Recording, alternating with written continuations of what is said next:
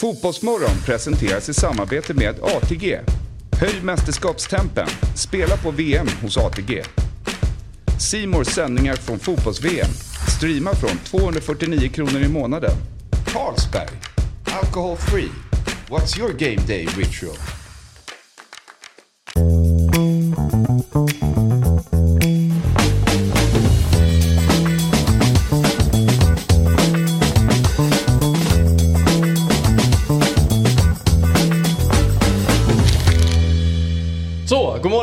Och eh, varmt välkomna till Fotbollsmorgon. Söndag den 27 november. Det är alltså den första advent vi sitter här och ska prata ner och prata upp en herrans massa matcher idag. Jag, Viktor Enberg, sitter här idag. Samuel Lidsholm och vår VM-nestor Christian Borell. God morgon. God morgon. God morgon, god morgon. Det är ganska sent. Klockan nio. Man ställer ju ändå klockan när man Det är hit. förbannat på Ja, det är- morgonen ändå. Inte så att du vaknar och sträcker lite på ryggen. Och eh, kakburken Cavani då.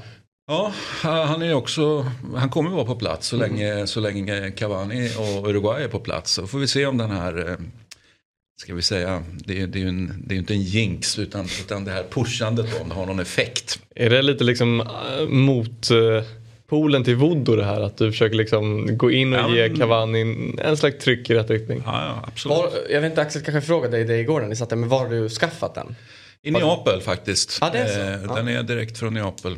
Eh, Det finns, det finns ju en annan attiralj här på kontoret som ju också är från Neapel som jag köpte. Det är den här Maradona-muggen. Du Ja. borde ju kanske egentligen ha den intill honom. Ja, det, det kan vi fundera på. Eller är det då att jinxa Argentina på något sätt? Eftersom hela grejen nu är att Maradona har gått bort och då är Messis första VM av Maradona och liksom den delen. Då kanske Maradona kommer in och stjälper Ja, det är bra, bra det är så man måste tänka och, och ha, ha liksom klart för sig. Sen får man ju försöka, eller jag får försöka klart för mig vad vill jag helst Argentina eller vill jag helst Uruguay? Det finns ju ett sånt perspektiv också. Så att det är ju ett, det är ju ett, eh, jag menar jag har kanske andra Argentina-grejer i hemmet som jag, som jag hade kunnat ta med. Men nu, Ja. nu blev det kakburk. Jag tyckte det känns väldigt, eh, um, väldigt rätt. VM 22 helt enkelt.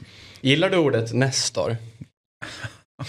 Ja, varför inte? Det, är väl, det, det, det antyder ju en viss senioritet. Så och jag är ju Ja. rätt Senior. senior. Ja, I alla fall i det här sammanhanget. Ja, men det är ju i de flesta sammanhang jag är nu för tiden. Ja. När, jag, när jag jobbar så är jag, ja, men jag är alltid äldst nu. Mm. Det är liksom, om man inte gör någonting med Frank till exempel, då, är- då är ju Frank alltid äldst. Men, men eh, övriga så att säga, gäng i, i olika forum så, ja. Mm.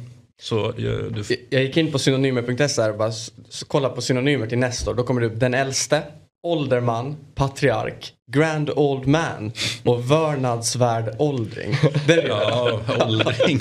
åldring lät ju... Det lät, Ja, det lät inte så roligt. Ja, det låter trevligare. Och då tänkte jag också så här, men då har vi ändå Samuel här. Vi har, Det är ju ändå superettans mittfältare, eller årets mittfältare i superettan ska vi säga, vi har att göra med. Då, liksom, vad, vad blir han då i förhållande till dig? Jag har mycket att lära. Ja. Det blir väl någon slags så här sensei och eh, läropojken. eller Vad, vad är läropojken? Eller kan man köra Nestor Junior, Nestor, Nestor Senior? Nej, men det, inte det, funkar. jag, jag, tror, jag tror inte att jag är där än. Nej. Alltså, jag, jag har inte självförtroende att kalla mig själv för någon Nestor Junior. Nej. Nej, man ska ju inte riktigt kalla sig sak, sådana saker själv. Nej. Det, det det, kan jag tycka. Så det var ju bra att du sa det. Men, men eh, apropå synonymer så fick vi ju faktiskt på sociala medier en liten... eh, Jag protesterar ju mot att det påstods att jag hatade. VM 94. Jag, jag, jag försöker att inte hålla på så mycket med hat då. Så Men du jag, jag konstaterar däremot avsky och då, då var det en som, eh, en som eh, svarade där att ja men bra där för att eh, och så refererar, refererar han då till eh, Gustave Flaubert, eh, eh, ja, histor, historisk, legendarisk författare och så vidare. Madame Bovary och allt vad det någonstans. Som då drev tesen, han, han letar ju exakt rätt ord hela tiden. Det vill säga, för det finns inga synonymer är liksom skit. Det, Jaha. man ska inte jobba, det, liksom, Ja. man ska reta. Att varje ska, ord har sin egen men, betydelse. Även om du läste upp det Ja. så, så, så, så är det ett av dem som är det exakt rätta. Vad hette han sa du? Eh, Flaubert. Flaubert. Alltså Han hade- författaren, ja. Mm. Han hade vänt sig i graven då om han hade hört vad jag höll på med här. Ja, han, eh, då hade han eh, börjat prata om le mot just. Det, det rätta ordet. Okej. Mm. Ja, bra. Men, men om vi ändå liksom... Känns ska- som du är författare och alltid letar efter rätta ordet. Att det tar väldigt lång tid att skriva böckerna. Ja, ja. Det gjorde förmodligen det för honom. Ja. Så var han jävligt säker och bara ja, boom. Jag ska klämma ur det sista här från min synonymer.se. Ja. Jag tycker det är en bra hemsida. Ja. Den har ju du använt också. Ja absolut. absolut. Ja, ja, ja. Om man använder samma ord för många gånger så ja. går man in där. Men jag har ju sagt på Nestor så har de ju skickat upp alternativ. Men de ger ju alltid ett motsatsord också. Så jag tänker det kan ju vara du då. Vet du vad den drar till med? Gröngöling. Ja men det kan vara jag. Det, det tar jag. Ny i sammanhanget. Det är nästan en gröngöling. Kan och, är fint. Och syn- ja, ja, men nej, nu släpper vi det. Ja, men som sagt, idag då. Vi ska ju såklart ta ner eh, gårdagens matcher. Sen om, eh, ja men ganska snart faktiskt så hoppas vi ha med oss Petter Landén också. Eh, Sportexpressens reporter och nyhetschef tror jag till och med hans titel är. Han är ju nere wow. i Qatar. Så vi ska få en liten rapport från honom. Eh, och han var på Frankrike-Danmark igår så vi kan väl snacka lite om den matchen med honom bland annat. Och sådär. Uh, och sen så, ja men vi ska ju prata lite Big Nine, det är en ny kupong för det idag och det är ju också en det är en ganska fullspäckad, eller det är en, varje dag är fullspäckad under VM. Det spelas ju varje match, matcher fyra gånger om dagen men det är ju ganska, det börjar bli ödesmatcher. Mm. Ja verkligen, det är svinkul. Man såg ju bara, om vi inte går direkt till gårdagens matcher kan man ju se hur Saudi typ var otroligt bra igen. Mm. Förtjänade ju mer mot Polen. Alltså det här Saudi jag vet inte vad man ska säga men det, det ger mig lite, alltså jag blir så glad när jag kollar på det här Saudi. Jag tycker de är, jag tycker de är bra, jag tycker de har mycket härliga ingredienser i deras lag. Um, jag tycker verkligen inte att Polen har något jag är anti-Polen. Och vet varför jag är anti-Polen mest? Det är för att Krychowiak spelar med nummer 10 och är sämst på plan. Det får inte hända. Och han har nummer 10 och kan inte spela fotboll. Det får inte hända i fotbollen. Därför är jag jätte-anti-Polen. Och i det här fallet för Länge sedan han levererar nu. Måste ja, extremt. Säga. En gång i tiden pratar man ju om honom som att, ja men. Ja men han kom från Sevilla till PSG. Det är spännande. Ja, ja, ja. men, men, nu har han nummer 10 och spelar ju. Underbart var kort. Ja verkligen. Och han spelar ju Al-Shabaab i Saudi då. Mm. Så att det var väl hans match i matchen kanske. Hur, Christian, vad tror du apropå då eh, Saudi? Alltså 9 av 11 spelare spelar ju i vilken... Al-Hilal. Al-Hilal mm. i samma klubb. Hur, mm. alltså, hur, hur, mycket gör det egentligen med ett lag? Jag menar, det är ju nästan som, det är som att de spelar ett klubblagsfotboll, bara att de möter bättre lag då. Mm. Det, det, det, ska ju absolut vara en fördel. Det, det, är ju den absoluta tecken. Jag kan inte komma fram till att det inte skulle vara en fördel. Jag vet inte, du som spelar nej, fotboll. Nej, men det är klart det är en fördel. Ja, herregud. Fördel. Jag menar, Förutom att de ligger fyra i ligan ja, eller var de ligger. Samspel och hela, liksom hela det paketet. Och, och ja, men du vet när någon mm. ska eh, liksom, du behöver inte ha en tränare någonstans som säger till att ja, men den löpningen ska vi ta. Utan det liksom, ska ju sitta och, och vara mm. per automatik. Mm. Så, så det tror jag absolut är en, en stor fördel. Mm. Vad säger du då som ändå spelar? Nej men eh, jag håller verkligen med. Alltså, det är klart att det måste vara en fördel. Man snackar mycket om, nu går ju en svensk, eller alla ligor i uppehåll just nu men vår liga är ju avslutad så kommer ett transferfönster som kommer göra att det kommer försvinna spelare och spelare kommer in etc. Det blir stor ruljans i trupperna och där handlar det mycket om att den här långa försäsongen är för att du ska kunna i en klubb som jag spelar i så kan det försvinna ganska många och då kan det komma in ganska många. De ska akklimatiseras i hur man vill spela fotboll och relationerna på planen. Så det handlar dels om att du ska ta in hur vill den här tränaren spela fotboll. Det är ju steg ett. Sen ska du också med de här spelarna som då förmodligen startar ska du hitta någon slags relation med att eh, du förstår att när jag är rättvänd så, så vill jag att du löper bakom eller vill att du kommer nära om jag är under press. Sådana små saker blir ju såklart mycket bättre ju mer du spelar med varandra. Eller om jag lär mig hantera att du är extremt bra på små ytor. Då kan jag dunka in det på det där för jag vet att du kommer klara av det. Mm. Sådana saker, alltså du, små små signaler tycker jag är väldigt viktiga i, i liksom fotbollen, relationerna mellan varandra. Vad har vi annars då? Alltså, om man tänker, om man kollar på Tyskland till exempel. Nu har ju de in, inte inlett så starkt. Det kommer vi in på lite längre fram i programmet. Jag tänker bara med lag som har många spelare i samma klubb. För jag menar, de kan ju till exempel mönstra en offensiv som bara är bayern spelare till mm. exempel. Men sen, jag vet inte, var går gränsen om man har fyra spelare på samma lag? Det kanske inte blir lika men jag, samma sätt ändå. Jag tänker för att jämföra Saudi-fallet och, och, och, och det här tyska caset då.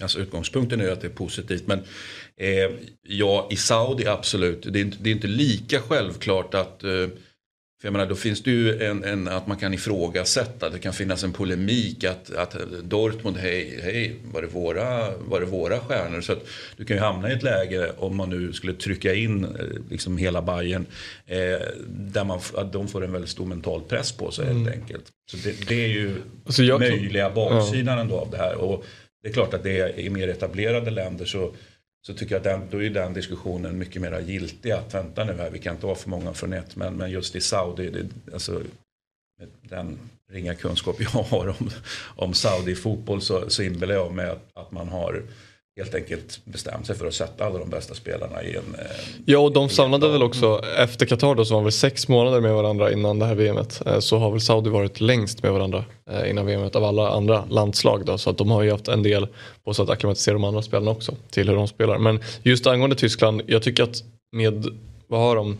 Musiala, Sané, eh, Gnabry, som är de offensiva och sen Müller exakt och Goretzka som var på bänken mm. senast då, eller det var ju Sané också. Men med Hansi Flick som är deras förra tränare, jag tycker mm. att, jag tycker att Tyskland såg väldigt bra ut. Som sagt, det pratade vi om igår, men jag tycker att Tyskland såg bra ut. De hade ju bara problem att få in bollen i mål. Mm. Så jag tycker inte det var ett strukturellt eller ett så här kemiproblem. Eh, om man ska uttrycka det så. De har väl Niklas Syle också. Som Just, spelar i Bayern München. Mm, mm. Ja, i alla fall. Jag tycker de såg väldigt bra ut. Så jag, jag tror ändå på att ju fler spelare i ett lag som spelar med varandra. Det är samma sak som Spanien, de har väl fyra Barca-spelare i starten. Hela mittfältet, fem, Ferran och Alba. Det, det, tror jag inte skadar dem. Det tror jag eh, tvärtom stärker dem. Och apropå Saudi då, så det finns ju, eller igår skrev en CBS sportsjournalist, James Benge, eller Bench, eller vad man nu ska säga. Han skrev i alla fall att den saudiska klubben då Al Nasser har erbjudit Cristiano Ronaldo ett treårskontrakt värt 225 miljoner dollar. Ja. pengar. Ser ni honom? Alltså... Jag, alltså, han fick ju frågan där i hans kära intervju, Piers Morgan, om han har mer följare på Instagram än pund på kontot. och, då, och då svarade väl, haha jag vet inte, kanske samma. Ja. Och har du då ja, fem och en halv miljard, då kanske du inte behöver de här extra två och en halv miljarden, eller så behöver du det. Framförallt behöver han, det är, ju, det är ju bevisligen så att han inte vill sluta spela fotboll än. Och, och, och där har vi ju problemet. För Förutom menar, om han vinner då, VM. Det var väl lite det han sa. Ja, sa han ja okej okay då. Men, mm. det, men det, Eller han sa, jag slutar då. Ja. Lite diffust, det kanske är landslaget han menar. Ja. Man vet inte, men ja. det hade ju varit en mäktig, en mäktig exit, mm. minst sagt. Ja, en cool eh, men jag, tänker, men jag tänker med det du säger att jag tror inte heller han vill sluta spela men jag tror också att han vill så länge Messi spelar Champions League-fotboll tror jag att Ronaldo behöver spela Champions League-fotboll för att inte akta sina rekord. Mm. Så jag tror att det här Al Nasser kan komma för, eh, för tidigt egentligen. Det är ju roligt att säga att han är 37 men eh, det känns som att det kan komma för tidigt för, för han. Mm. För att han ser sig så mycket om vad Messi gör och han spelar fortfarande i ett PSG ja. så fortfarande kommer göra massa mål. Mm. Så jag tror fortfarande att det är, ja, det finns något där som stör. Så allting eh, löser sig i alla fall i ett kortare perspektiv om, om eh, PSG åker ut direkt i åttonde. Ja, det, det tror jag. Vilket eh, jag inte tror att de gör. Men, Nej, det tror men, inte jag heller kanske. Ja. Mm. Ja, vi, vi får lov att återkomma till det. Och, eh, för nu har vi faktiskt, jag tänkte säga besök, men typ i alla fall besök från andra breddgrader. Det, det var min kära, kära goda vän Petter Landell som, han och jag faktiskt en lite, vi har ett litet bråk som har pågått de här senaste dagarna. Men han, han, han, tog, han, liksom, han var så stor i sig och, ja, men så, och valde att ställa upp och vara med här idag. det ser ut som att du står på något, ja, jag vet inte, är, du, är det i centrala Doha på något, en liten park eller var, var befinner du dig Petter? Eh, Hej Viktor, min gode vän. eh, jag har lagt allt gammalt golv åt sidan och ställer eh, väldigt fint av mig upp här. Jag befinner mig på The Pearl, eh, en konstgjord uppbyggd ö i norra eh, Doha. Eh, väldigt så här, lite lyxigt. De har byggt upp, svårt att se kanske, men de har byggt upp vägarna i liksom lite kullersten och det är väldigt fint och, och lyxigt jämfört med andra delar av eh, stan. Ska det vara någon motsvarighet till liksom eh, Dubais The Palm eller? Exakt, exakt. Mm. Eh, det är liksom en, en kopia. Eh, utan att ha varit på The Palm så, så liksom idén är exakt densamma. Och namnet nästan då också. The Pearl of the Palm. Det... Ja. ja, exakt. exakt. De, de, bara, de, de har, eh, jag hörde att ni pratade om Messi och Ronaldo. Eh, de här Gulfländerna, alltså Saudi, eh, Emiraten, Qatar. Det är liksom, de jobbar lite på samma sätt. Qatar har ju ett, vad de kallar Vision 2030 och det har Saudi också i, i handlar om uppbyggnad av att arrangera sportevenemang. Och det är samma sak med konstgjorda öar, höga skyskrapor, mm. ha ett bra flygbolag. De, de har ju en intern eh, snoppmätartävling i, eh, i detta. Mm. Men du, du är där nere och arbetar som den journalist du är. Hur, eh, jag, jag menar, det var ju ganska tidigt så såg man ju, det var väl den här danska reportern som blev, de blev ju stoppade av någon, någon som gled in med en golf, mm. golfkart. Och du känner ingen oro när du står där i din, den här, eh, de här lyxiga delarna, kvarteren i stan och, och pratar med oss? Det hade ju varit fantastiskt om någon dök upp bakom dig nu. Ja, jag, det, jag hoppas nästan att det gör det för dramatikens skull. Eh, jag pratade med han, faktiskt dansken, Rasmus Tandholt heter han. Eh, och eh, han har ju filmat mycket därefter och det har lugnat ner sig eh, väldigt mycket med just den grejen. Jag, jag tror att Qatar insåg att det såg inte så jävla bra ut att förmedla den bilden till världen.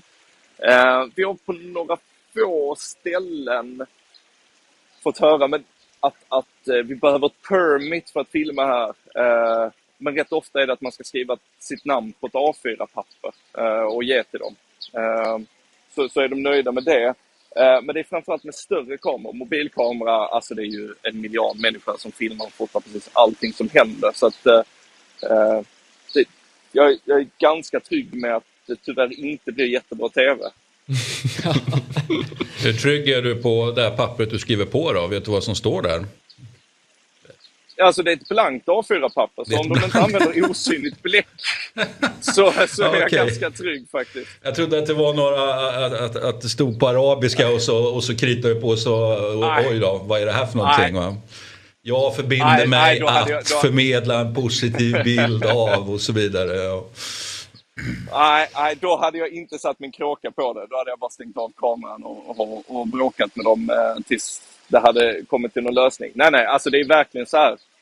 Alltså här är ett A4-papper. Kan du skriva ditt namn? Ja, kan jag göra. Det är inga problem. Men du, du var ju på plats på Stadium 974 igår eh, och följde Frankrike-Danmark. Mm. Var, um, jag, men, jag tänker bara först och främst den här arenan, det är ju den här containerbyggda arenan. Hur, Stämmer. Uh. Ja, men berätta, jag, jag blir bara, jag blir bara, eller inte säga egentligen generellt, du har väl varit på typ de flesta arenor nu eftersom att allt är ju nybyggt och det är så flådigt och fint och så här, men och allt byggdes ju också, ja men det var ju mycket blev ju klart väldigt kort inpå. Så där märker man på då alla arenor att det är liksom klass och kvalitet? Och det, kan man säga att det är på något sätt, inte kanske fuskbygge, men att det har stressats ihop på något sätt? Uh, nej, inte själva arenorna uh, skulle jag säga. Alltså 974 om man, om man ska hålla på och gradera med tanke på, vi vet historierna kring, ja. kring de här byggena. Uh, så, så ska man väl inte romantisera dem för mycket, men om man ska ta på utseende och sånt där så är ju 974 nu jävligt cool. Den har ju någonting väldigt eget. Uh, uh, men det jag märkt, alltså själva arenorna är ju, de, de känns liksom inte ofärdiga på något sätt. Eh, däremot så är det mycket annat som inte känns klart. Eh, det är fortfarande liksom, det finns hål i marken, vissa saker som har satts hit som eh, ja, men, eh, så här, vad, vad heter sådana, typ skyddspelare på vägar där man inte får köra. Eh, ja, jag tappar ordet, men det är liksom fortfarande täckt i plast. Eh, mycket, vad ska man säga, infrastrukturmässigt som är inte liksom under kontroll. Eh, eh som eh, hur mycket bilar som ska komma till en arena och vilken väg de ska köra. Det ändras lite från match till match. hur man tar sig till en arena Eh, hur lång tid det tar, hur mycket trafik det är på vägen och så vidare. Nu ska jag visa, nu är det lite marockanska fans som är ute och åker på någon ja. eh, liten... Eh, så att det är folkfest på The Pearl. Cyklar? Nej? Ja, ja, jo, exakt. Det är sådana de har i Danmark. Eh, I Köpenhamn kan man se väldigt fulla turister åka runt och ha typ svensexor och sådana där. Det verkar lite mer städat nu med de marockanerna. Jag känner som marockanerna borde ha lite bättre stämning. Det där verkade ganska dött. Ja, men det är tidigt på dagen och det är jävligt varmt så att det ja. kan vara det. Okay. Ja, men du, om vi går till det sportsliga då. Du var på plats och kollade mm. när Frankrike slog Danmark. Mbappé med nya mål. Han har, nu har han gjort, nu han, jag tror han har sju VM-mål nu. Han är, Messi och Ronaldo är uppe på åtta. Mm. Alltså, kommer, han, kom, han kommer ju slå alla rekord som finns. Eh, ja, eh, det kommer han. Jag, eh, eh, jag, var, jag skulle spela lite Allan Ballan i det här mästerskapet. Jag hade lite dålig känsla kring Frankrike. De kom dit med sju helvetes massa konflikter och kaos. Och Mbappé bråkade med förbundet och KFC om bildrättigheter. Jag bara, fan det här Frankrike kommer ju implodera. Det är alldeles för mycket eh, liksom vid sidan av som, som stör dem. Och sen så ser de så fruktansvärt harmoniska ut. Eh, Mbappé, det, det var kul att prata med han Rasmus Christensen, Danmarks högerback efteråt. Och han bara, han bara erkände att det, Mbappé är så konstig, för han försvinner långa stunder. Man, man behöver inte tänka på honom på tio minuter. Sen bara exploderar han och det finns inget jag kan göra mer än att jag hoppas att jag hinner sparka ner honom. Eh, och det, det, det är något speciellt i att det franska laget är harmoniskt, det kan man inte ta för givet. Eh, att Mbappé är på sitt bästa humör och då till och med motståndarna erkänner att det finns stunder när vi inte kan göra ett dugg. Det är bara att hoppas. Mm. Men hur, hur är det, alltså det är ju oftast väldigt stor skillnad om man sitter och ser en spelare på TV kontra när man verkligen ser live. Hur, hur, hur, hur, hur liksom, mm. Kan, kan man, får, man, liksom, får man ut allt från TV-soffan kring hans fart och speed och det han gör på planen kontra om man ser honom på plats? Uh, svårt. Uh, kanske. Uh, men kanske inte också. Jag, jag tror det är något på spåren där, för när man ser honom explodera till på den här situationen. Var det Joakim Andersen som drog ner honom när han håller på att springa från halva plan ungefär? Ja. Uh, Men de vill att han ska få rött, den eller? Löpningen, ja, exakt. Mm. exakt. Uh, den, den löpningen är ju helt sinnessjuk på plats, för det är bara som att det knäpper till och så är han han, han går från att vara 10 meter bakom till jämsides på en tiondel sekund, känns det som.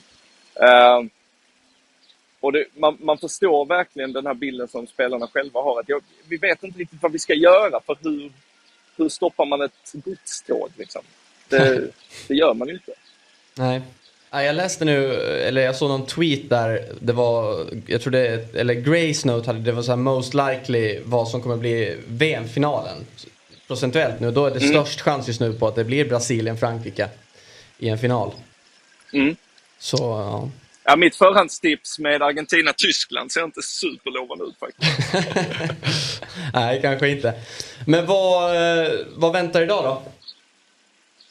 Eh, idag är det den eh, riktiga VM-matchen, alltså sånt här som jag är väldigt svag för egentligen när det kommer till VM. Den här eh, de lite oväntade mötena. Kroatien-Kanada ska jag på. Det ser jag fram emot. Tyckte att Kanada var superbra och förtjänade så himla mycket mer mot Belgien. Och... Eh, förlåt, var senegalesisk kille som ville komma förbi. eh, och eh, jag, jag, är väldigt sugen på att se hur de kan repa sig. Eh, Kroatien gjorde väl ingen, ingen jättematch. Både de och belgarna känns det känns som att det var 2018 lite som kanske var eh, slutåret för det verkligt gyllene generationen. Det var kul, Kevin De Bruyne gick ju själv ut och sa här nu att de är för gamla för att vinna VM, Belgien.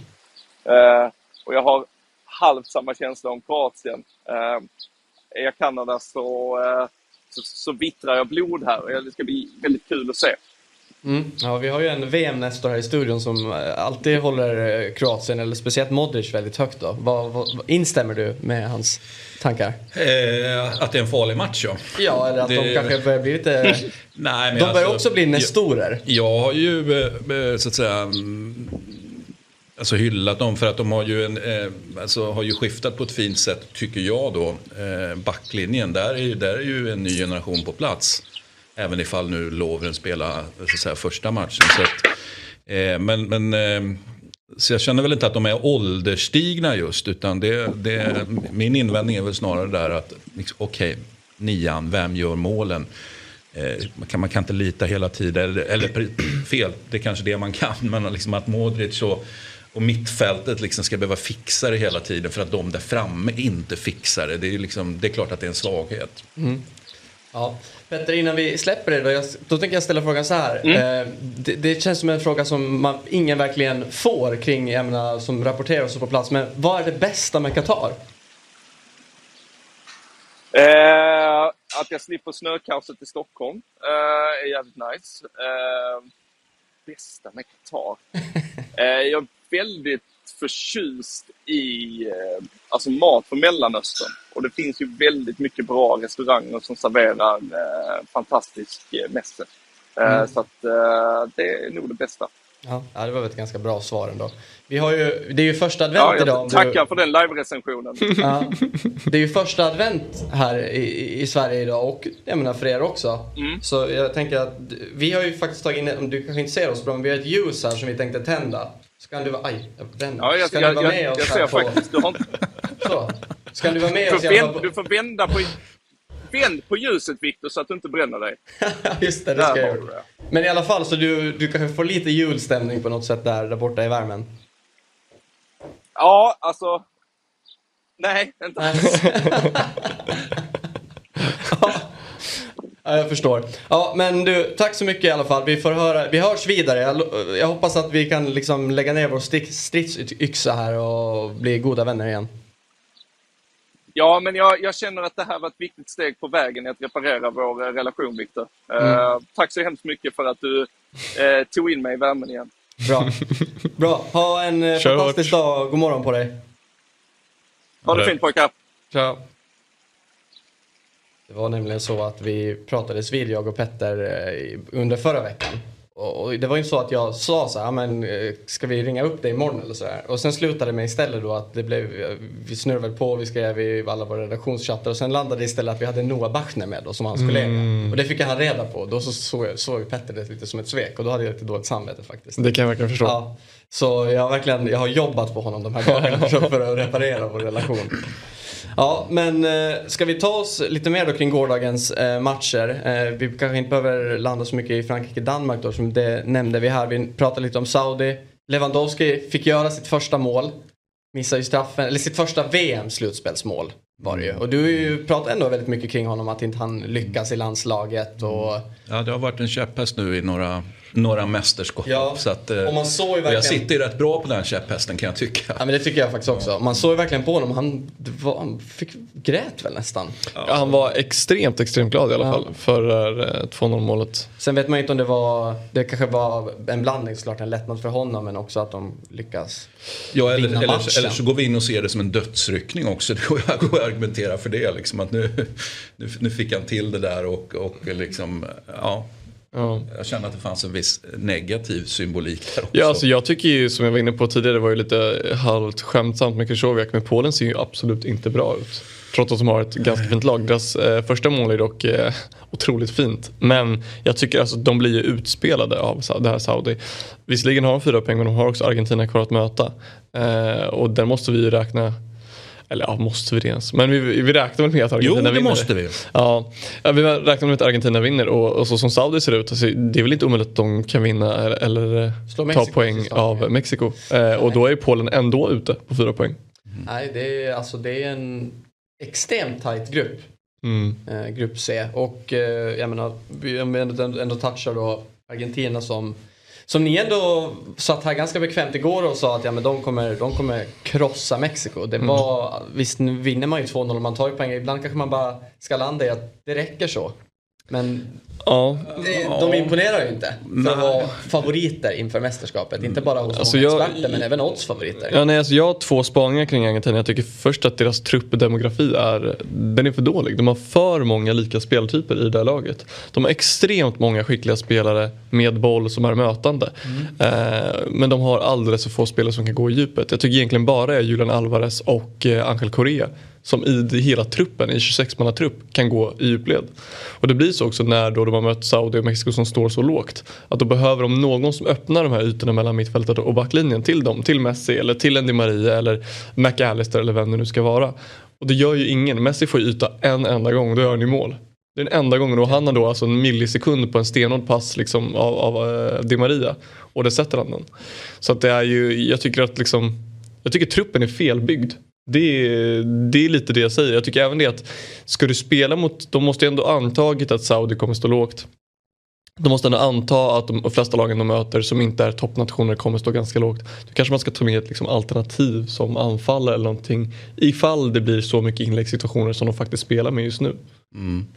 Eh, ja, det, det är väl så enkelt att man har struntat i det och förlitar sig på Messi. Det, det, Mm. det är ju det givna svaret att han, kommer att dyrka upp Mm. i den bästa av världar då, ur, sett ur Argentinas så att säga, med deras ögon. Så att, ehm, Men här blev han ju, Ja, så fort han hade en med. Meter mer så han- han blev ju alltså galet kapad. Alltså det var ju liksom, det flög ju tacklingar så fort han kom förbi en spelare. Mm. Så det var ju ingen mercy där liksom att... eh, Men tänk, känner ni då att, så här, ja, men att han eh, inte presterar fram till han får sitt läge eller är det bara så att han är så jäkla bevakad? Borde de egentligen Argentina på något sätt se, se det och bygga något av det eftersom att, att alla spelare är ju på honom att man istället liksom kan luckra Ja, alltså, upp i- andra delar men det är ju inte hela förklaringen till att han såg dålig ut tycker jag. Nej. Utan han såg Men du ju- tycker han såg dålig ut? Ja, Ja. Jag, jag tyckte han absolut var dålig. Men jag menar, jag har också en väldigt stor respekt att man ska inte, alltså, han, han avgör faktiskt till slut och det är ju det det handlar om. Ja. Så att, så att, eh, men, men fram tills han då gör det så, så,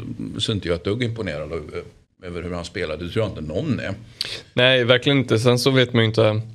Jag tänker att eh, han har ju sett väldigt bra ut i det här PSG. Hur är det här Argentina jämfört med det PSG han har? Då har han Mbappé, Hakimi och alla som går i djupet hela tiden. Han får väldigt lätt att chippa in de här bollarna. Det var väl någon gång han stod opressad på halva halva. Chippar in en boll bakom mot då Jordi Alba som det skulle varit. Men här var det Marcos Acuna och han gick ju inte. Utan han stod ju kvar.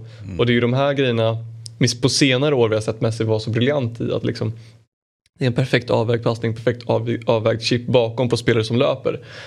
Här är det ju ingen som löper så de här chipparna de går inte fram och då kanske inte han heller kan briljera på samma sätt. Jag, vet, jag, förstår, jag sitter här och försvarar Messi någonstans men jag, jag tycker också att han är jag tycker inte att han var bra alls tills han gör det här målet. Men när han gör det målet så ser man också hur mycket det här betyder för honom. Och det fick mig någonstans i soffan att vara nästan gåshud. så här, Fan vad fotboll berör. Fan vad det betyder någonting för en spelare som egentligen har vunnit inte allt då eftersom han inte vunnit VM men nästan allt och varit så stor som han ändå har varit i så många år och få göra ett 1-0 mål mot Mexiko i gruppen i VM det, det kändes som det betyder mest för honom där och då.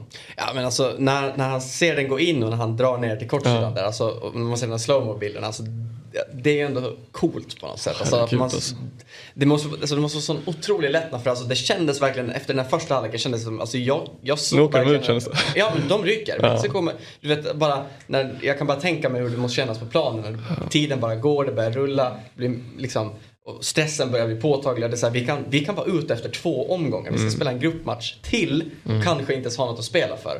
Och just med liksom hela nationen på honom och just den här diskussionen med honom och Maradona. Att han kommer aldrig kunna jämföras med honom om man inte vinner VM och så vidare. Mm. Nej, och det är väldigt korrekt. Det, det är, alltså, det, dels kan, han ska inte jämföras med Maradona för de är så, så eh, diametralt liksom olika. Det är, min, det är min fasta övertygelse. Men, men eh, med det sagt, jag, jag, vem vet, alltså, det, det här ser inte jättebra ut, Argentina Nej. hittills. Det, det, måste man ju säga. Men, men eh, jag vill ändå slå ett slag för det här. att eh, men det är många som, eh, som, som driver tesen att ja, men det, här är ju ett, det här är ju ett Argentina fyllt med stjärnor. Men nej, det är ju det det inte är. Det, det är inte så märkvärdigt på mittfältet. Det, det är inte så märkvärdigt i backlinjen. Det är inte så märkvärdigt mellan stolparna.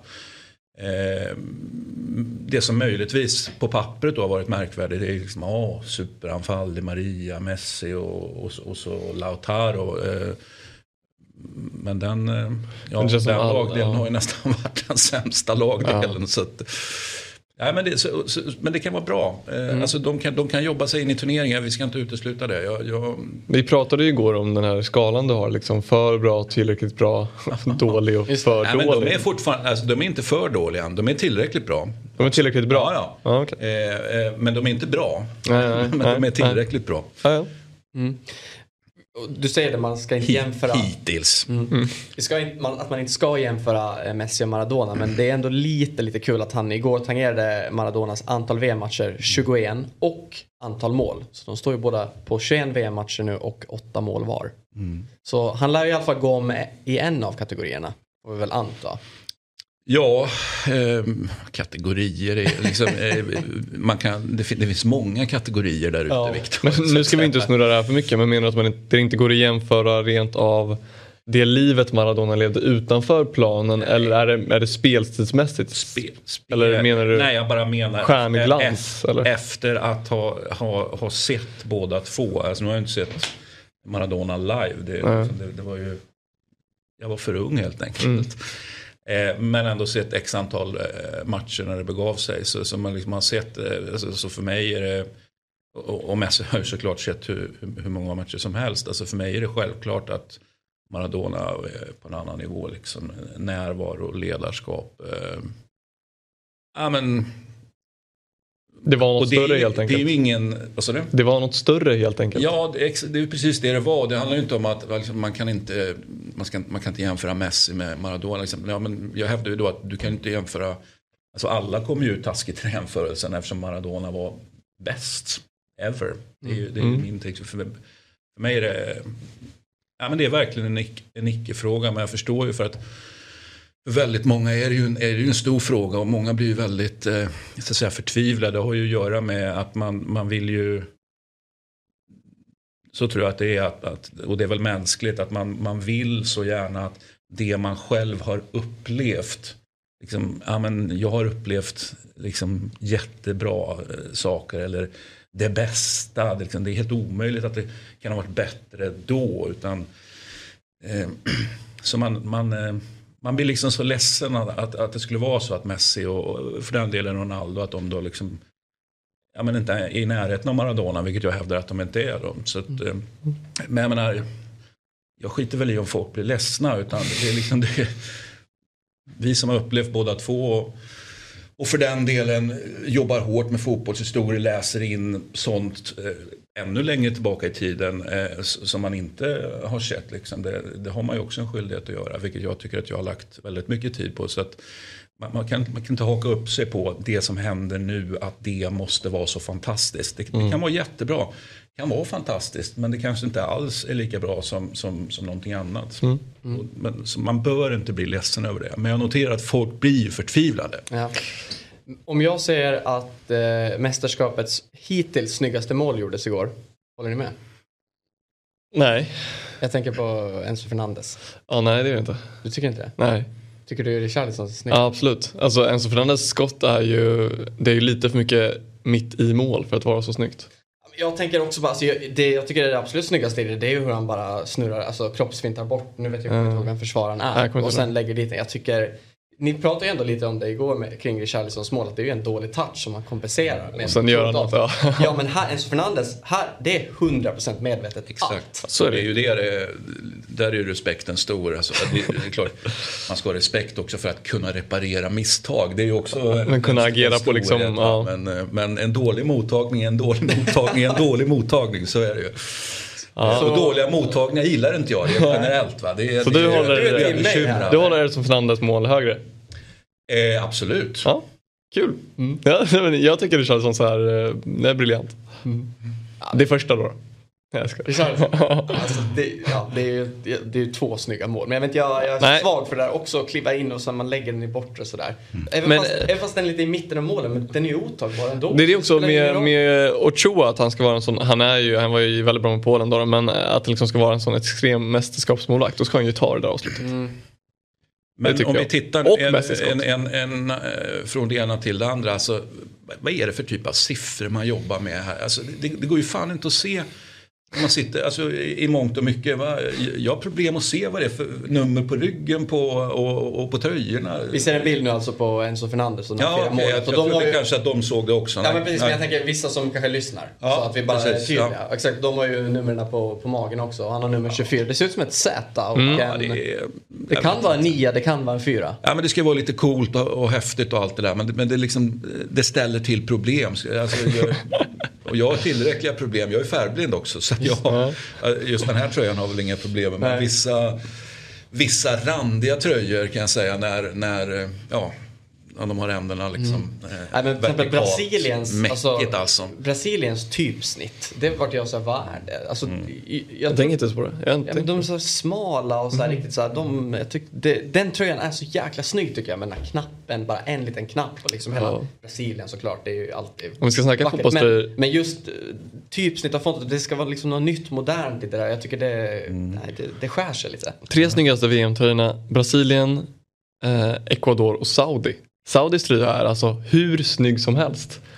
Frankrikes är... måste väl ändå vara Ja, Frankrike är så fin. Ja, en topp fem. Men alltså Saudis är, och Ecuador så är alltså helt briljant. Deras, deras Bortåt landslags... Nej, men, de blåa. Mm. Ja, deras landslagsemblem är ju alltså, det är ju mäktigt. Det är ju, det är ju som ett klubblag, alltså, det är ju snyggt alltså. Ja. Mm. Ja, vi ska, eller ska, det är ju advent och det är snart december och det, och det är ett mästerskap. Det är alltid bara, det är, det är ju speciellt. Och det är ju också någonting som pågår som heter Black Week. Eh, och det har vi också hakat på. Vi har ett erbjudande på Dobb TV som eh, fortfarande finns kvar. Eh, sista november är sista dagen för det här erbjudandet. Det är alltså du kan köpa årskort för resterande del av 2022 och hela 2023 för 499 kronor. Ordinarie pris 599 kronor. Då får man alltså Eurotalk som rullar. Vi har Fantasy TV. Vi har Quizaleta säsong, eh, säsong som snart ska gå i mål. Det kommer en ny säsong också i vår längre fram. Och 08 fotboll eh, såklart. Eh, så om ni inte har ett abonnemang eller eh, det börjar löpa ut så är det perfekt att förnya. Eller kanske ge bort en present till en kompis eller så. För om man vill till exempel se mer av eh, Nestor Borrell så kan man ju kolla Eurotalk på måndagar. Det bör man göra. Det bör man göra, verkligen. Det, så är det bara. Så det är bara att gå in på dobb.tv slash subscribe eller bara dobb.tv så hittar man, eh, hittar man in där. Det är inte svårare än så. Vi ska ta en eh, kort, kort eh, paus eh, och när vi är tillbaka så ska vi prata upp eh, kvällens matcher. Fotbollsmorgon är sponsrade av Carlsberg Alkoholfri och eh, förutom det är de även sponsorer till både det svenska herrlandslaget och det svenska damlandslaget. Och om vi börjar med herrarna, Jalkemo. Det kändes ju väldigt trist att eh, Sverige missade mästerskapet i år, eh, men det kanske också är ett bra tillfälle att bygga om laget för Janne inför 2023? Ja, det finns otroligt många spännande unga spelare som är på väg nu, upp nu. Framförallt offensivt där det kommer fram nya talanger på löpande band. Kan det bara fyllas på med fler bra spelare även om bakre leden? Vi har Isakien och Emil Holm som exempel nu som, som gjorde det bra i landskamperna. Så finns det en bra chans att landslaget kommer igen med bra resultat under EM-kvalet som startar nästa år. Mm. Det blir spännande att följa och om vi går över till damsidan så känns det ju det svenska damlandslaget mer färdigt får man säga. Det finns flera etablerade stjärnor i bra åldrar. Ja, och där kommer ett stort mästerskap in nästa år också som spelas i Nya Zeeland och Australien och förhoppningsvis kan laget förbättra semifinalplatsen från EM i somras. Det vore ju faktiskt otroligt kul om den, om den här gyllene generationen med Asllani, Rolfö och Caroline Seger i spetsen äntligen får lyfta en pokal, för det, det förtjänar de. De har byggt ihop det där. Ja, mm. ja verkligen. Tack till eh, Carlsberg Alkoholfri för att ni sponsrar vårt herr och damlandslag och nu även är med som sponsor till Fotbollsmorgon.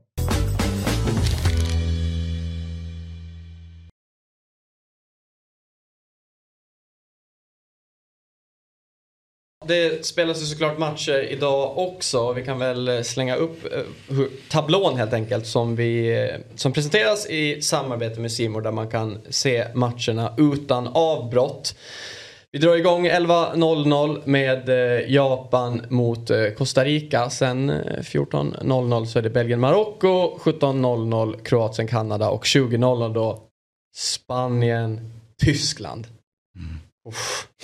Men vi, vi kan väl, vi tar, vi tar väl den lite till sist då såklart. Vi sparar det bästa till sist. Om det är det bästa, det, kanske inte, det känns som att kanske inte du tycker det. Eller? Tycker ja, det? Jag, ser, jag ser väldigt mycket fram emot mm. den. Men Japan-Costa Rica då? Ett Japan som ändå slog eh, Tyskland, eh, ja men slog Tyskland i, eh, i premiären och nu går man in mot Costa Rica som kanske är tillsammans med Qatar den sämsta nationen. Mm. Mm. Då får vi se om då eh, Japan kan visa det där självförtroendet som då, då vi har pratat om att de kanske inte riktigt har. Eh, kan man ju tycka då att den första insatsen då borde ju liksom kunna pumpa upp dem lite grann då. Eh, att de då skulle gå in eh, och eh, städa av vet jag inte riktigt. Men, men gå in och ta en seger här. Och så jag, jag tycker det blir en väldigt ja, men jätteintressant värdemätare på, på Japan helt enkelt. De har tagit till sig den, den initiala framgången. Mm. Initial framgång behöver ju, behöver ju egentligen inte betyda någonting i slutändan. Men, men låt oss vara positiva här och säga att det var ju en väldigt fin första insats. Ser ni dem som eh, favoriter ändå? Alltså, menar, om man tänker så här. Det var ju lite samma sak om man kan dra parallell med, jag menar Costa Rica fick ju åka rejält mot Spanien mm. i första omgången, 7-0. Om, om man drar en parallell med någon annan grupp som till exempel Irans fall då som ändå också åkte rejält mot England och sen gick man istället och vann mot Wales. Kan, kan Costa Rica göra en det, det, är ju en sån här klassisk eh, fotbollsmatematik som egentligen inte är matematik utan fot, fotbollslag är att vissa insatser och vissa resultat eh, per definition kräver en tillbakastuds. Eh, så att, så att det, det, är väl det som talar för Costa Rica i sådana fall. Att, att de, de måste, alltså, de känns ju inte speciellt bra. Men man bara måste visa upp någonting bättre efter, efter ja, det var ju bortanför överkörning. Ja, det var inte tillräckligt bra. Nej men det var inte tillräckligt bra. Nej, men det, det, som också ska bli intressant att se om Costa Rica är så extremt baktunga. Alltså det blir naturligt när man möter ett så extremt bollskickligt lag som Spanien. Men Japan är ju också Ska man säga att Japan är Asiens Spanien då i hur man, hur man spelar egentligen? Inte mot Tyskland i det här fallet men det är ju väldigt mycket bollskickliga spelare i det här Japan. Såklart, kanske inte på samma nivå som Spanien. Men, men det blir intressant hur Costa Rica går ut den här matchen. För de, jag tycker ändå, trots Spaniens dominans, att de gick ut med för mycket respekt mot Spanien. Mm. Jag tycker de borde försökt störa dem lite högre upp. Jag tycker de borde försökt kanske få tag i dem, eller likt Mexiko dra ner dem när de går med förbi. Um, så nej, vi får väl se om de har lagt sig platt och, och turistar resten av gruppen eller om de faktiskt försöker göra någonting av det. Mm. Det är ändå kittlande att om Japan går och vinner idag och Spanien slår Tyskland, då är det slut. Då är det slut. Igen mm. för Tyskland. Ja, då får han sparken va? Jag vet att han har kontrakt över EM24 också men eh, jag tror inte du kan åka gruppen som Tyskland va? Inte den här gruppen heller. Nej, nej. Eller? Vad säger du? Vad tror du? Ja, jag, alltså, nu kommer vi in på den sena matchen lik förbannat. Ja, jag, jag, jag, nästan... jag, säger så här, jag är helt övertygad om att Spanien inte förlorar. Sen om Spanien vinner, det kan man vända och vrida på. Mm, men, ja. men ähm, ja. Det slår ju mig att den, grupp E är ju den tidiga och den sena matchen så vi får väl liksom slå ihop dem lite. Ja, får vi Så vi kan väl, jag nästan vi hoppar in, eller vi, vi håller oss i grupp E innan vi går till F. Det är ju också alfabetisk ordning. Det måste vara rätt och noga. Och ja, ja, visst. Ja men, eh, ja, alltså det är väl den mest kittlande matchen än så länge i mästerskapet. Det måste vi ju säga. Alltså inte bara att det är två stornationer som möts men också sett till då hur, eftersom att hade, hade Tyskland slagit Japan i första omgången och båda hade gått in här med tre poäng då hade de ju i princip båda ändå varit vidare. Mm. Och jag vet att Jesper satt här innan eh, innan mästerskapet drog igång när vi gick igenom gruppen och sa att ingen vill vinna den här gruppen för då hamnar man på den sidan trädet. Men nu ser det ju så annorlunda ut ändå för Argentina mm. kanske inte går och vinner mm. sin grupp och de kanske kommer över till den sidan. Så nu, jag tror den parametern existerar inte längre. Nej precis, det är att outsmarta slutspelsträdet. Det, det, jag tänker bara, ska det, du vinna ska du väl vinna. Alltså, ja, ja, det, är klart man kan vara smart. Det, det vet ja. i alla fall. Tyskland får nog fokusera på då att uh, skita lite i vilken del av, av uh, trädet man är på kanske ta sig i kragen. Men äh, jag har så svårt att se att de ska slå Spanien. Jag har så svårt att se. Alltså, Visserligen mötte Spanien Costa Rica. Costa Rica var helt värdelösa. Men det här Spanien spelar ju en, alltså det är ju en helt brutal fotboll de spelar just nu. Och äh, Tyskland tycker jag också spelar en bra fotboll. Men jag vet inte om de kan störa Spanien i det här skedet. Det, det vet jag faktiskt inte. Jag, jag är med inne på dig, som dig Christian. Att, äh, jag tror faktiskt inte att Spanien förlorar. Ja, men alla hyllar ju Luis Enrique och han sitter ju och kör sina Twitch-sändningar. Han satt ju tillsammans med, var det Aspas eller något här nyligen tror jag. Jag var inne i alla fall en gång när han Aspas, kör... han är inte med i truppen ens. Trupp. Nej men vad var det då? Det kanske var något gammalt klipp jag såg. Kanske var någon som gäst i alla fall. ja. Det var lite synd i alla fall. Jag var inne i alla fall en gång när han streamade. Men, och, eh, men han pratade ju bara på spanska så man får ju inte ut någonting av det. Det är lite synd. Det kanske man hade kunnat räkna ut vad han. Men, men det jag tänker ändå det är ett ett ungt spanskt lag och jag menar det finns ju verkligen ingen stjärna på det sättet i det laget. Det är ju fullt av stjärnor såklart men det finns ju ingen tydlig star som det finns i så många andra av de här stora nationerna. Och nu när man, man gick ju ändå och slog Costa Rica och bara körde över dem. Man fick en bra start, man gjorde mål tidigt och allting rullade på. Men det ska ju ändå, om säga att man får ett, en sämre start på en match och tysken kanske eh, gör ett tidigt mål, så hur, hur, agerar, hur agerar Spanien då?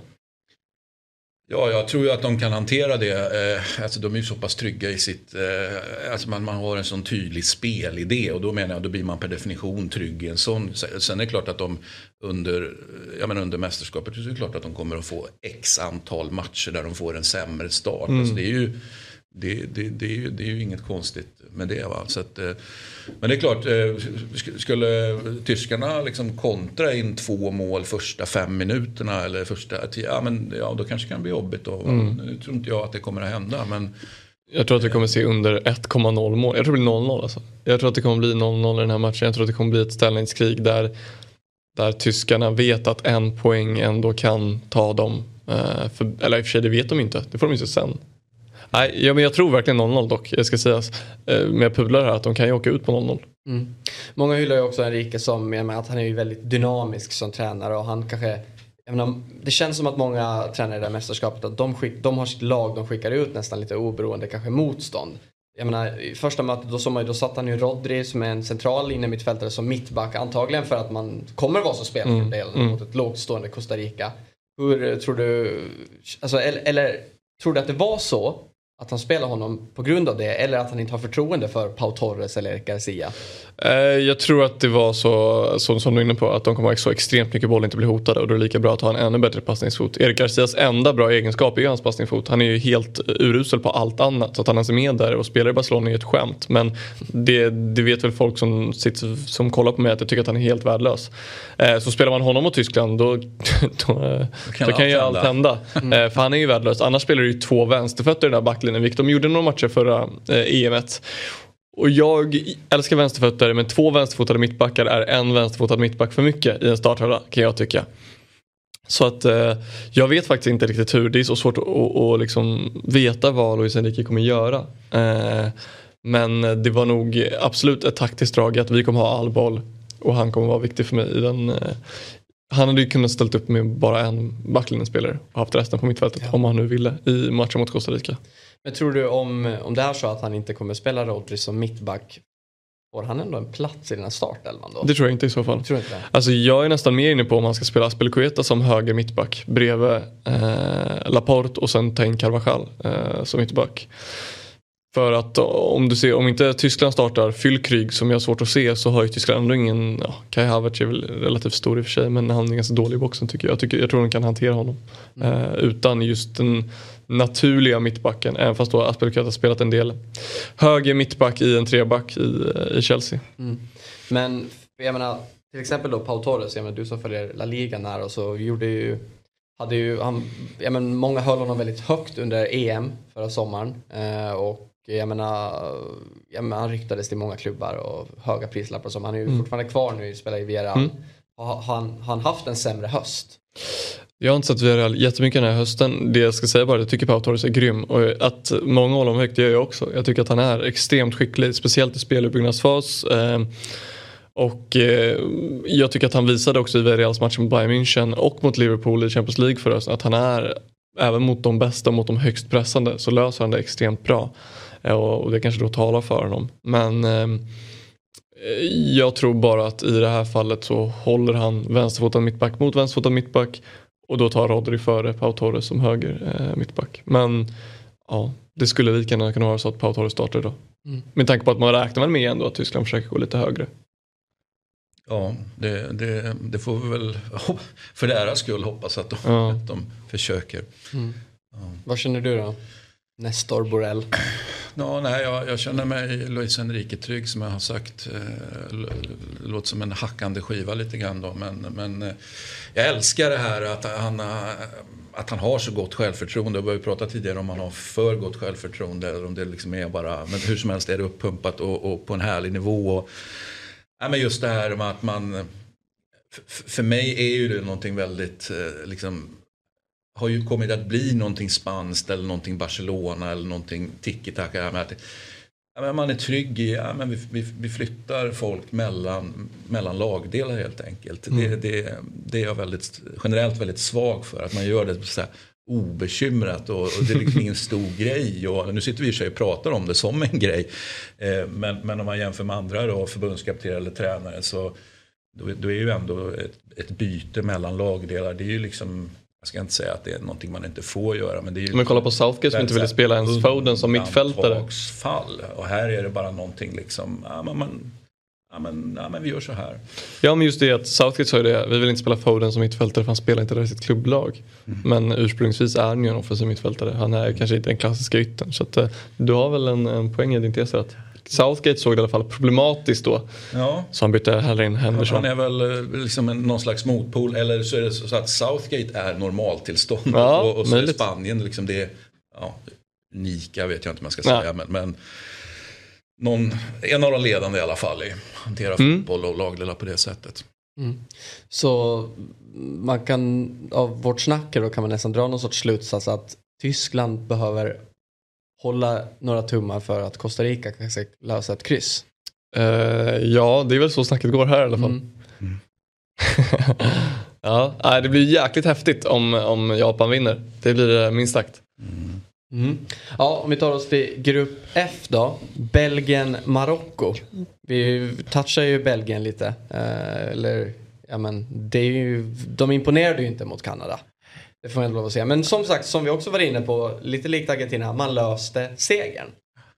Nej, men jag, jag, är, jag är Belgien-trött helt enkelt. För att jag, Det känns som att alla är det. Ja, men, men för, och det är ju synd på något sätt. Det är ju liksom, det är synd på så rara ärtor som man brukar säga. Va?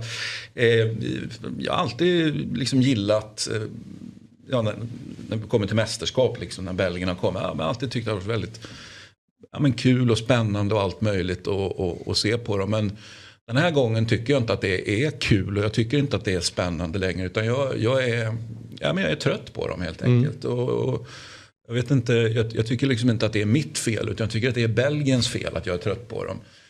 Eh, så att, eh, får väl se om de kan steppa upp då men, men det känns ju verkligen inte, det känns inte alls så. Nej, de har ett väldigt tråkigt lag. De har ett väldigt tråkigt lag. Som du säger, man är Belgien-trött och det är jag också. Nu har de ju tre poäng och kommer få gå vidare i den här gruppen. Men det hade varit mycket härligare om Kroatien och Kanada kunde gå vidare. Hellre Marocko än Belgien också. Eller Marocko för den delen. Ja. Precis. Det, det är en, det, det är en tuff Marocko- grupp det där, det, det sa vi ju. Absolut, jag tycker dock att Marocko var mycket sämre än vad de kan vara mot Kroatien. Jag tänker att Marocko har ett bra lag, en bra startelva. Hakim Ziyech som jag ändå håller ganska högt, jag tycker det är en bra fotbollsspelare, var ju jag vet inte vad han höll på med i, i premiären av VM här. Så att eh, han måste steppa upp.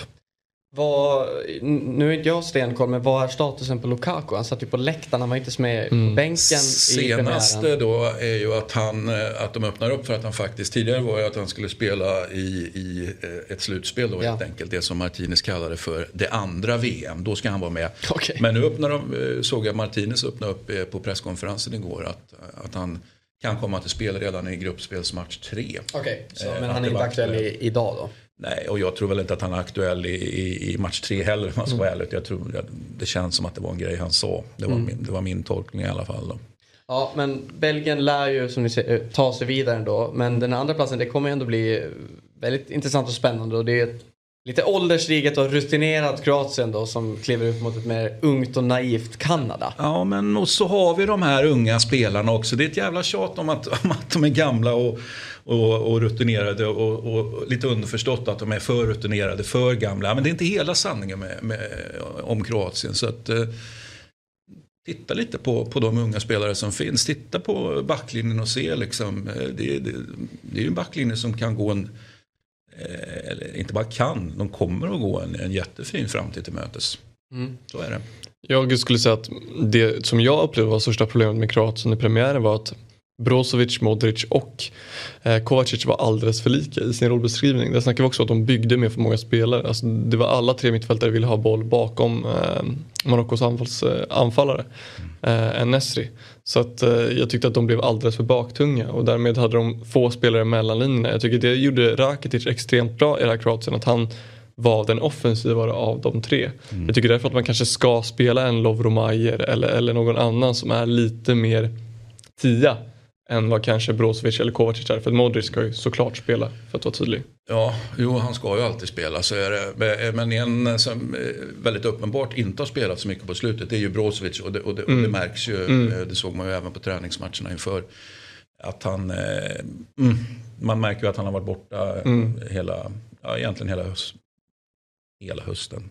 Låt oss säga hela hösten. Ja för rent, rent namnmässigt och kvalitativt är det ett fantastiskt mittfält men jag tycker inte att kanske rollerna passar varandra överdrivet bra. Ja, ja. Utan jag, jag tycker kanske att du ska ha en lite bättre rollfördelning mellan de här tre. Och om Brozovic då tydligt är out of form om man säger så eh, och de behöver vinna så kanske jag tycker att man borde ta in en, en som jag tycker är faktiskt väldigt fin, eh, Lovro Majer, som är då mer tia. Och den som kommer att ryka då, det blir ju Kovacic. Det, det, det, om man, man lyssnar på förbundskaptenen eh, Dalic där så är han ju väldigt tydlig med, eh, med att liksom han behöver egentligen inte prata om vikten av, av Modric för den är ju någonstans ja. på någon slags kroatisk Maradona-nivå. Va? Men det är liksom att ah, men Brozovic måste spela. Mycket prat om inför, eh, inför mästerskapet och när man undrar mm. man, kommer han att matcha, kommer han börja från start, liksom spela hela matchen eller kommer liksom han matcha honom försiktigt? Nej, mm. han, det var liksom att han ska, han ska spela från start och liksom underförstått hela tiden för okay. han är Brozovic. Eh, så att eh, han verkar ju vara... Och då ska vi säga att Kovacic och Modric är ju extremt nära vänner. Jag vet inte hur mycket Modric har att diskutera med Dalic där om, om en slags potentiell startelva. Men Modric och Kovacic är ju verkligen tajta.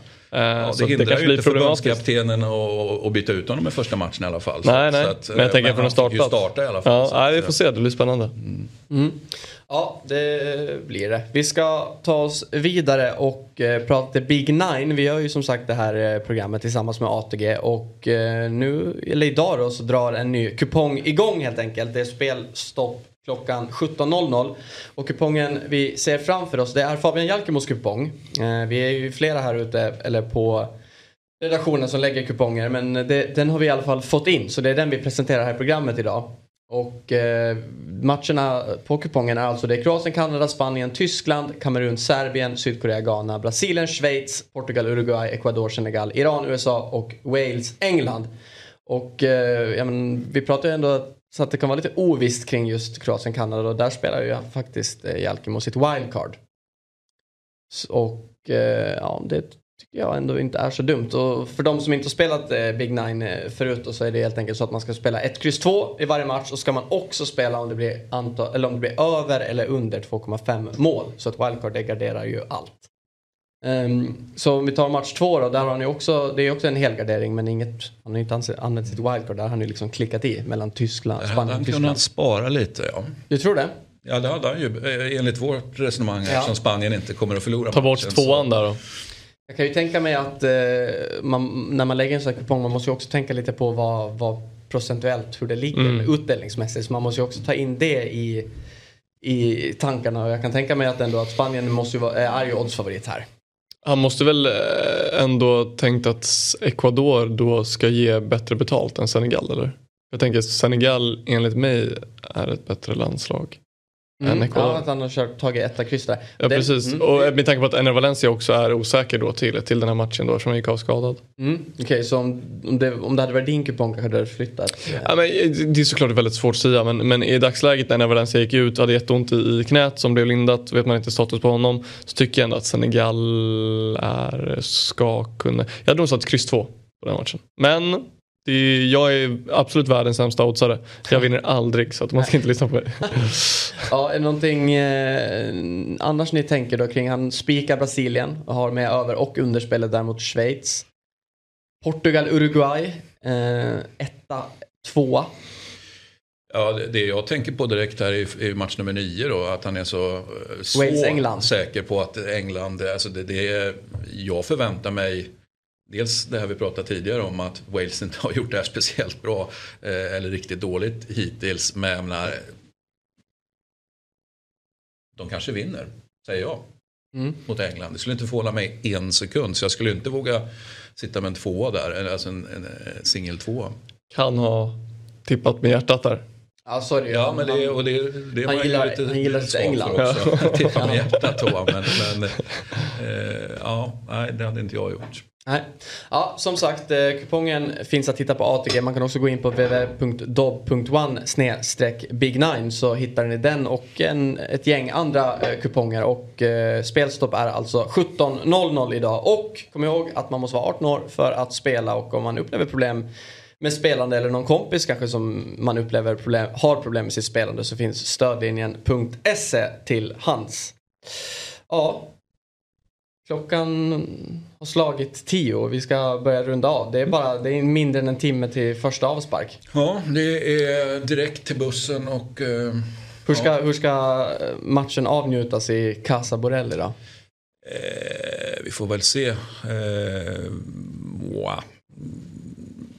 Ja, alltså jag ska inte laga mat så tidigt va, om det är det du undrar. nej, men, det är något, något, lång, något långkok som ska puttra igång. Ja, nej, jag, jag, har inte faktiskt bestämt mig om jag ska laga den idag. Nej. Det var ju tråkiga, tråkiga svar, men jag har faktiskt inte gjort det. Ett kryss två sen kanske, kanske ett, ett glas eh, lunchvin behöver ju inte, alltså en match som börjar 11 kommer ju per definition gå in i lunchen. så att, eh, eh, det skulle jag inte utesluta. Nej, Det tror jag är ett ganska säkert spel. okej. Över under ett glas vin. Oddsfavorit. Man behöver inte spela wildcard på den. nej, nej, nej. Nej, det är onödigt. Mm. Du då Samuel? Jag ska gå och köpa eh, vad heter det, nyfärsbröd, frallor eh, hem till min tjej och ska skruva till frukost. Och hon vill väl inte njuta av Japan, Costa Rica kanske men jag kommer kolla. Ja ja, det kommer jag också göra. Och det antar jag att många av er som kollar också kommer göra. Och jag ska ju säga det, vi drar igång med Watch Along senare ikväll. Jag tror det är klockan 19. Jag tittar mot Kalle som sitter där, han nickar. Så 19.00 drar vår Watchalong eh, igång som rullar varje dag. Vi, vi kollar ju på matcherna, det tycker jag ni ska göra tillsammans med oss. Det är en bra, bra, bra krydda. Eh, och jag menar, man kan ju inte röra sig ut och så i det här vädret så det är verkligen optimalt. Sitta och följa det samtidigt på en second screen. Och Fotbollsmorgon är såklart tillbaks igen imorgon bitti 07.00. Eh, tack så mycket för att ni har kollat och lyssnat. Vi ses imorgon. Hej då! Fotbollsmorgon presenteras i samarbete med ATG. Höj mästerskapstempen. Spela på VM hos ATG. Simors sändningar från fotbolls-VM. Streama från 249 kronor i månaden. Carlsberg. Alcohol free. What's your game day ritual?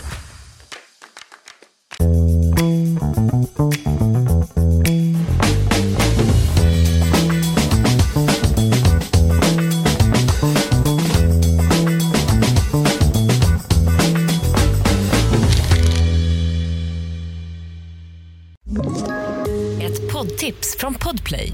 I fallen jag aldrig glömmer djupdyker Hasse Aro i arbetet bakom några av Sveriges mest uppseendeväckande brottsutredningar.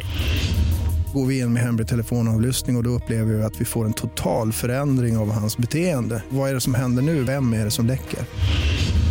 Och så säger han att jag är kriminell, jag har varit kriminell i hela mitt liv men att mörda ett barn, där går min gräns. Nya säsongen av Fallen jag aldrig glömmer på Podplay.